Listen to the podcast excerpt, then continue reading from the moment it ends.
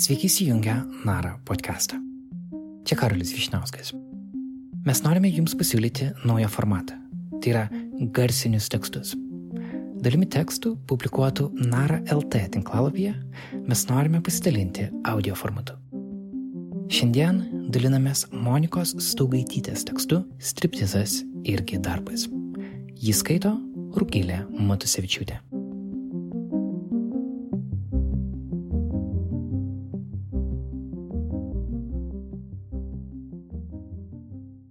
Pro stiklinių durų apačią, vienintelę aklinai nuo gatvės šviesų neuždengtą vietą, pamatau tris poras kojų. Po poros sekundžių išgirstu durų skambutį. Vadinasi, mano darbo diena, tiksliau, naktis, prasideda. Tada, kai didžioji dalis žmonių ruošiasi eiti miegoti, aš einu į darbą. Kai kiti dirba ir valgo dienos pietus, aš sapnuoju. Aukštyn kojomis apvirtęs daugam gali atrodyti ne tik mano režimas, bet ir darbo vietos pasirinkimas. Tai striptizo klubas viename iš Lietuvos miestų.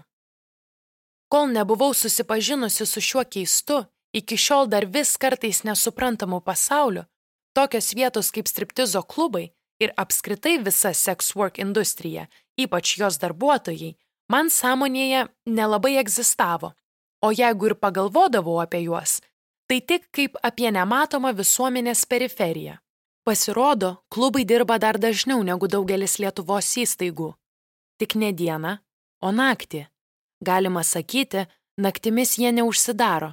Septynios darbo naktys per savaitę, nuo 10 vakaro iki 6 ryto. Kaip rasti tinkamus žodžius?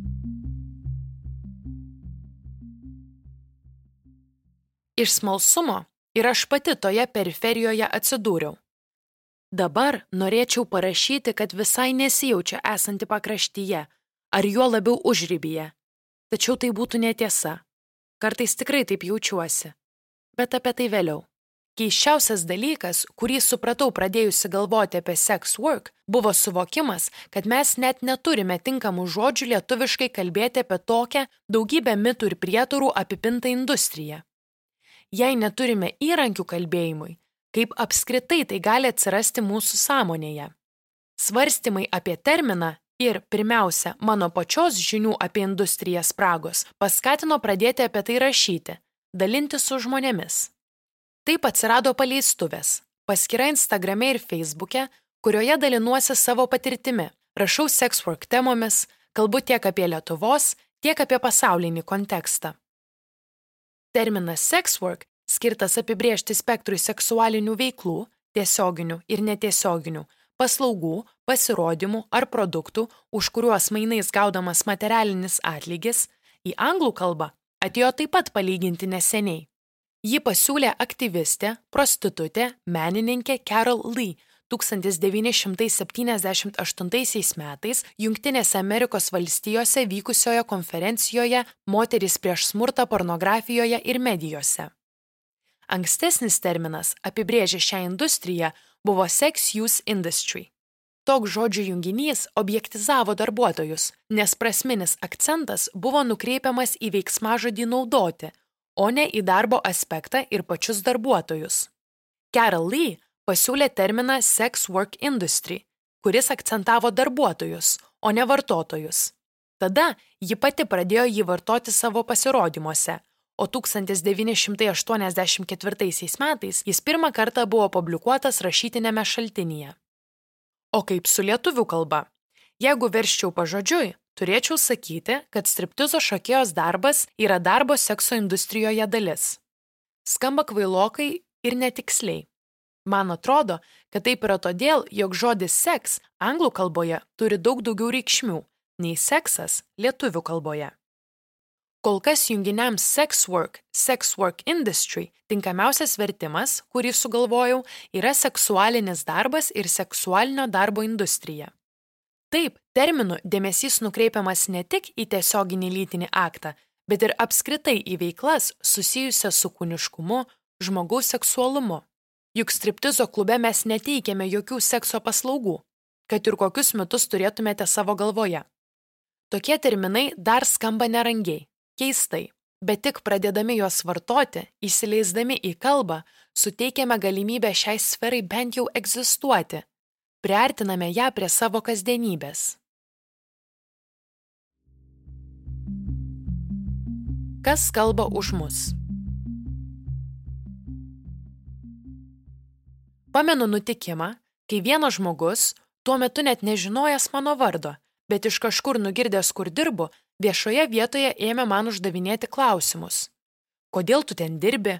Pagalvok, ar tikrai nori tuo užsiimti? Koks čia darbas, aš irgi galėčiau už pinigus savo birką rodyti.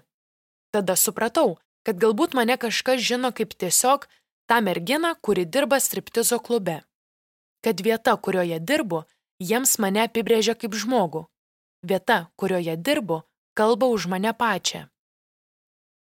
Dažniausiai paprašyti prisistatyti po vardo pasakome savo profesiją. Tai vyksta visiškai natūraliai.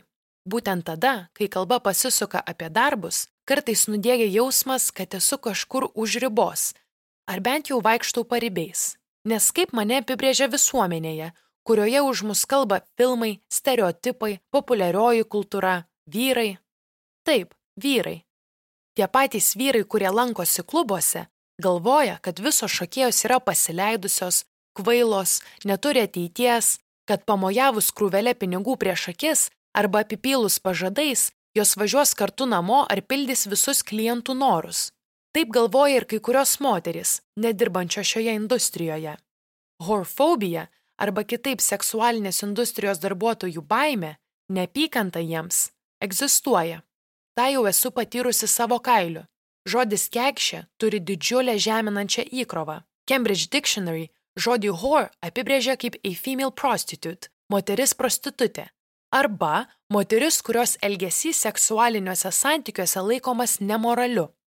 Į ką iš tiesų nurodo šis žodis? Pirmiausia, aišku, prostitucija užsiimančią moterį. Vadinasi, ir seksualinio darbo industrijos darbuotoja. Taigi, taip vadindami bet kokią moterį, Pirmiausia, įžeidžiame ir darbuotojas, parodydami, kad jų darbas gali būti pasitelktas kaip pažeminimas kitiems. Tačiau man atrodo, kad tai apima dar platesnį kontekstą. Kodėl į Google paiešką įvedus junginį male prostitute, jos sinonimai yra Kazanova, viliotojas, žigolo ir ne vienas neturi jokių žeminančių konotacijų. Netgi atvirkščiai, dažniausiai jie vartojami vyrų elgesį teisinančiame kontekste. Ar faktas, kad kiek šia gali būti pavadinta tik moteris, o vyras vadinamas viliotojui ar kazanova, nenurodo, kad kontroliuojamos moteris ir jų seksualumo formos. Kalboje užkoduotos reikšmės ir žodžiai, kuriais vadiname dalykus, formuoja mūsų pasaulio ir realybės suvokimą. Vienas iš būdų apversti reikšmės - pačioms moteriams, darbuotojams atsijimti žodį kekšė, įkrauti jį kitokiomis konotacijomis ir nebijoti savęs taip vadinti, Ilgainiui tie, kurie norės mus pažeminti, tiesiog nebegalės to padaryti. Liūdniausia, kad apie šokėjas kalba visi kiti, tik ne jos pačios. Būtent todėl dabar čia įrašau. Tam, kad suteikčiau nors vieną balsą visuomenės grupiai, apie kurią Lietuvoje kalbama nebent per skambes ir toli gražu realybės netitinkančias antraštės. Aš, Monika, esu striptizo šokėja. Atsisakau būti tik ta mergina. Nesutinku, kad už mane kalbėtų kiti. Mes ir jie. Kai lankiau Paul Dance pamokas, galvoje dar net neturėdama minties, kad kada nors susipažinsiu su striptizo klubo pasauliu, pastebėjau, kaip inirtingai ten akcentuojama, kad tai, ko mokomės, yra sportas, atletika kad kai kuriems kyla asociacijos su viliojimo menu, nors pole dance šokėjai atlieka labai daug skirtingų triukų, demonstruoja savo fizinės kūno galimybės, o tai visiškai prasilenkia su seksualumu. Manote, kad striptizo šokėjams visai nereikia raumenų, o figūros, kurias atliekame ant stulpo klube, nebuvo ilgai ir kantriai dailinamos salėje? Šiuo metu šokiant stulpo yra skilę į kelias skirtingas kryptis iš kurių viena vadinama pole sport arba pole fitness. Tačiau kam neikti faktą, kad visos pole dance rūšys turi tas pačias šaknis. Prieš keliarius metus Instagrame tarp šokėjų ant stulpo ir trenerių paplito grotažymė Not a Stripper, siekiant jų bendruomenę atskirti nuo striptizo šokėjų. Striptizo šokėjos, kaip atsakymą į tai, pradėjo naudoti grotažymę Yes, a Stripper, kurios iniciatorė buvo amerikietė ilgametė seksualinio darbo industrijos dalyvė, aktyvistė, sertifikuota lytinio švietimo edukatorė L. Stanger. Tos pačios studijos, apie kurią rašiau anksčiau, tinklalapyje rašoma. Gaila, bet dar turime galybę stereotipiškai mąstančių žmonių, kurie laiko mus nepadariais už tai, ką darome. Man gaila, kad šokio ant stulpo treneriai nori aproprijuoti technikas ir estetiką, atėjusią iš striptizo šokėjų kultūros, bet kartu išvengti stigmos, kuri velkasi paskui moteris dirbančias klubuose ir taip užsidirbančias pragyvenimui. Vietoje to, kad padėtų kovoti su stigma, turėdami tam visas galimybės, jie prisideda prie jos kūrimo, tarsi deklaruodami, mes esame normalų žmonės, o ne striptizo šokėjos. Palikite mūsų darbą mums. Aš noriu, kad seksualinės industrijos darbuotojai visuomenėje būtų matoma ir nestigmatizuojama grupė, kad galėčiau apie savo patirtis kalbėti be baimės būti pasmerkta savo artimųjų. Tačiau šiuo metu matau du labai skirtingus kelius, kaip tas matomumas aktualizuojamas pasaulyje. Pirmasis kelias - garsių, privilegijuotų žmonių oportunizmas, naudojamasi savo poziciją imituojant tam tikrus pasirinktus patrauklius elementus iš seksualinio darbo industrijos kultūros. Pirmiausia, siekiant gauti naudos ir dėmesio savo. Toje pačioje vietoje stovi ir įžymybės, turinčios puikią karjerą, bet staiga pasukančios į sex work industriją. Tarsi tai būtų žaidimas arba eksperimentas. Turiu galvoje du konkrečius atvejus - aktorė ir dainininkė Jennifer Lopez bei aktorė Bella Thorne. Lopez sukėlė nepasitenkinimą striptizo šokėjų bendruomenėje, kai pasirodė kasmet Junktinėse Amerikos valstijose vykstančių Super Bowl varžybų proga surinktame šou. Pasirodymo metu ji imitavo striptizo šokėjų judesius. Moteris atliko kelias elementarias figūras, seksualiai ir lietai pasisuko ant stulpo, pasirodymas baigėsi. Dauguma stebėjusių šou džiaugiasi 50-metės moters sugebėjimais ir kūno galimybėmis, bet striptizo šokėjų bendruomenė tai matė kaip dar vienos garsinybės pasirodymą, kuriame pasinaudojama labiausiai atpažįstamais elementais iš seksualinio darbo industrijos tam, kad būtų gautas dėmesys medijose ir internete. Pasirodymas įvyko Junktinių Amerikos valstijų galiojančio FOSTA SESTA įstatymo, kuris padarė industrijos darbuotojus neveiksnius internete ir juos nutildė, kontekste. Turėdama auditoriją ir galimybę atkreipti jos dėmesį, Lopes pasirinko tai ignoruoti. Antras atvejis, kai garsenybė į veiklą, kuri yra vienintelis pragyvenimo šaltinis kai kuriems žmonėms, žiūri kaip į eksperimentą, yra amerikiečių aktorės Bellos Thorne prisijungimas prie OnlyFans svetainės, veikiančios prenumeratos principu, kai žmonės gali užsiprenumeruoti, susimokėti už pasirinktų profilių turinį ir tik tada jį matyti.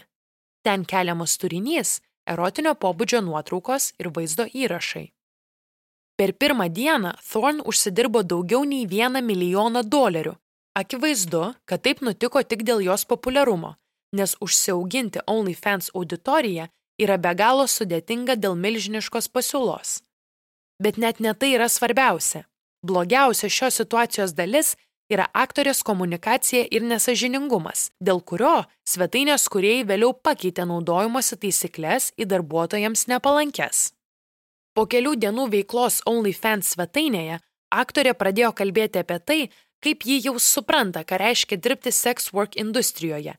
Džiūgavo, kad tiek užsidirbo net nekeldama nuogo kūno nuotraukų. Netgi užsiminė, kad kurs filmą apie darbą šioje platformoje. Dabar šie gandai jau paneigti. Aktorė taip pat apgavo prenumeratorius, pardavinėdama vieną savo nuotraukų kaip nude, nuogo kūno, už 200 dolerių. Kai žmonės sumokėdavo pinigus, pasirodydavo, kad nuotraukoje jis su apatiniais. Žinoma, tada lankytojai pradėjo reikšti pretenzijas ir reikalauti gražinti pinigus.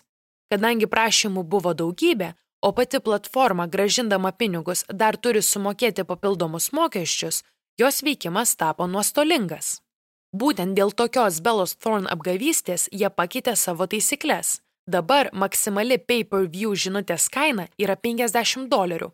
Maksimalūs arbatpinigiai, kuriuos galima nusiųsti, sumažėjo iki 100 dolerių, o užsidirbti pinigai dabar ateina į sąskaitą ne kas savaitę, kaip būdavo anksčiau, o kas mėnesį. Lengvabūdiški ir neatsakingi aktorės veiksmai turėjo realių pasiekmių visai seksualinio darbo industrijos bendruomeniai, buvo pakengta darbuotojų įvaizdžiui, o žmonėms dirbantiems OnlyFans tai atsiliepė ir finansiškai. Naudoti savo galę kitų balsui išgirsti. Galbūt iš to, ką rašau, gali pasirodyti, kad prašydama atkreipti dėmesį į seksualinės industrijos darbuotojus, tuo pačiu metu tą dėmesį ir kritikuoju kaip neteisingą. Tačiau taip darau todėl, kad yra ir kitas, antrasis kelias, suteikiantis galimybę būti matomiems.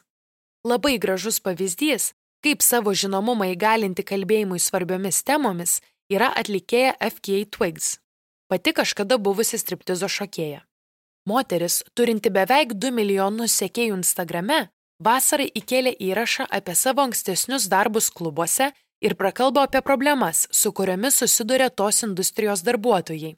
Ragindama žmonės domėtis ir prisidėti finansiškai, jis sukūrė lėšų rinkimo kampaniją kartu su nevyriausybinėmis organizacijomis teikiančiamis pagalbą darbuotojams. Visą savaitę po įrašo atlikėja leido jos profiliu naudotis toms organizacijoms, kurios dalyjosi įvairia aktualią informaciją, taip suteikdama balsą visai bendruomeniai. Man toks FK Twig sprendimas atrodo labai įkvepiantis ir tikiuosi, kad tokių iniciatyvų atsiras kuo daugiau. Kalbėdama ne pati, o leisdama kalbėti kitiems, ji parodė, kad darbuotojų balsas, o ne visuomenės stereotipai ir nuomonės yra svarbiausias. Kaip atrodo mano darbas? Dirbdama klube pripratau prie daugo - prie seksistinių pasisakymų, prie neadekvačių klientų ir jų žvilgsnių, naktinio režimo, prie bendravimo su daugybė skirtingų žmonių. Vienintelis dalykas, kuris man nesiseka, bet dėl to tiesą sakant visai nesigraužiu, nuolat būti besišypsančia lėlytė. Galbūt atrodo, kad šokėjų pagrindinis darbas yra šokti, bet tai tik vienas iš elementų Didžiąją dalį darbo sudaro bendravimas su klientais. Ir aišku, nereikia būtinai veitikintis, kad pirmiausia jie pamato ne tavo kūną. Dažnai klientui esi tik vaikščiojantis gražus mėsos gabalas. Tačiau darbe aš atsisakau būti tik juo. Tikriausiai dėl to kartais uždirbu mažiau, nes iš esmės tai, kiek uždirbi, priklauso nuo to, kaip gerai moki prie klientų prisitaikyti, kaip gražiai jiems šipsosiesi ir kiek komplimentų sakysi. Aš niekada nesišypsosiu klientui ir nerodysiu jam pagarbos, jeigu jis nerodys jos man. Niekada neleidžiu jiems pamiršti, kad aš toks pat žmogus kaip ir jie. Vienos įdomiausių akimirkų dirbant yra matyti, kaip klientas, galvojęs, kad tu tik sėdėsi šalia jo ir linksėsi galvą, pamato, kad gali jam argumentuotai paprieštarauti, nebijai pasakyti, ką manai ir nesi nuolanki pelytė. O klientų būna įvairiausių. Ateina tokie, kurie būna labai draugiški, bet neturi pinigų ir tikisi, kad su jais leisi vakarą vien dėl to, kad jie tau malonūs. Pastebėjau, kad klube vyrai, kai bendrauji su jais maloniai, labai dažnai susikuria fantazija, kad tarp mūsų užsimesgė kažkoks ryšys. Juk ne su visais klientais taip smagu bendrauti. Jie greitai pamiršta, kad čia mūsų darbas ir po jo mes visos grįžtame į savo gyvenimus. Būna tokių, kurie ateina į klubą su aiškiu tikslu gauti kažką daugiau. Visuomet juokinga stebėti nusivylimą jų veiduose, kai po ilgų ir kantrių aiškinimų supranta, kad nieko nebus. Labai daug yra ir tiesiog vienišų klientų, kurie ateina pasikalbėti, kurie nori paprasto dėmesio, nes nebegauna jo iš niekur kitur. Pamenu vieno vyro pasakytus žodžius. Man čia reikia tik švelnumo. Žmona manęs nebemyli net kai mylimės nebežiūri į mane. Nežinau kodėl, bet dažniausiai į klubą ateina vyrai, kurie nori tave iš ten išgelbėti ir kartoja, kad tau čia ne vieta. Jie galvoja, kad klube dirbančios merginos - nuskriaustos, vargšės kvailutės, nesugebančios daugiau nieko gyvenime veikti. Kažkada vienas iš klientų paklausė, gal man reikia diplomo. jis galėtų nupirkti. Dar kitas siūlė padėti surasti būtą.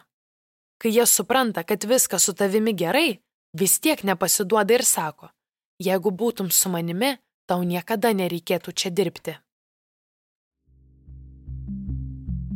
Nebijoti savo balso.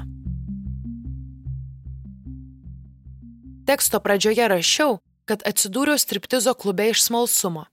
Iš dalies tai tikrai tiesa.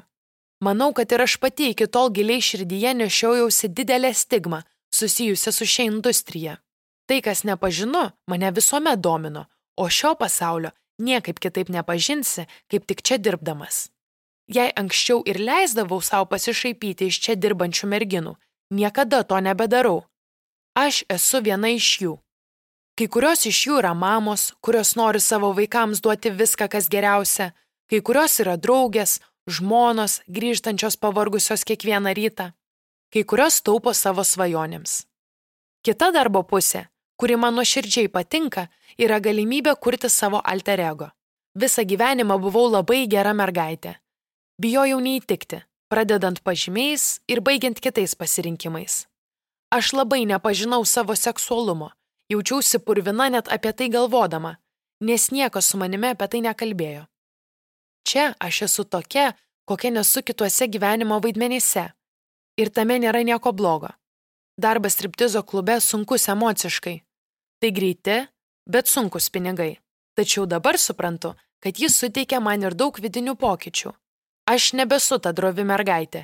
Tvirtai moku pasakyti ne ir nubrėžti savo ribas. Girdžiu savo balsą, kuris buvo nutildytas. Nenoriu, kad galvotumėte apie mus kaip apie aukas ar tas, kurias reikia išgelbėti. Mes išsigelbėsime pačios. Noriu, kad nekalbėtumėte už mus, bet leistumėte kalbėti mums pačioms, be baimės. Noriu gyventi visuomenėje, kurioje nedrebėtų pirštai rašant šį tekstą ir nereikėtų bijoti, kad kas nors iš artimųjų jį perskaitęs išsižadės manęs. Noriu, kad gerbtumėte ir šį darbą, nes nuo vaikystės girdžiu, kad visi darbai verti pagarbos. Neišskirkite šio. Sex work is work. Seksualinis darbas yra darbas.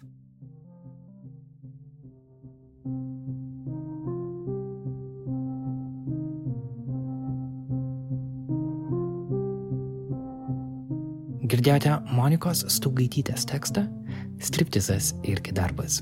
Jį skaitė Rugilė Matusevičiūtė. Įrašą producavo Pranciškus Bražiūnas. Palaikykite Nara podcastą adresu patreon.com/nara.lt. Daugiau tekstų raskite Nara.lt tinklalapyje. Ačiū, kad buvote kartu. Aš esu Karolis Višniauskas. Iki kitų kartų.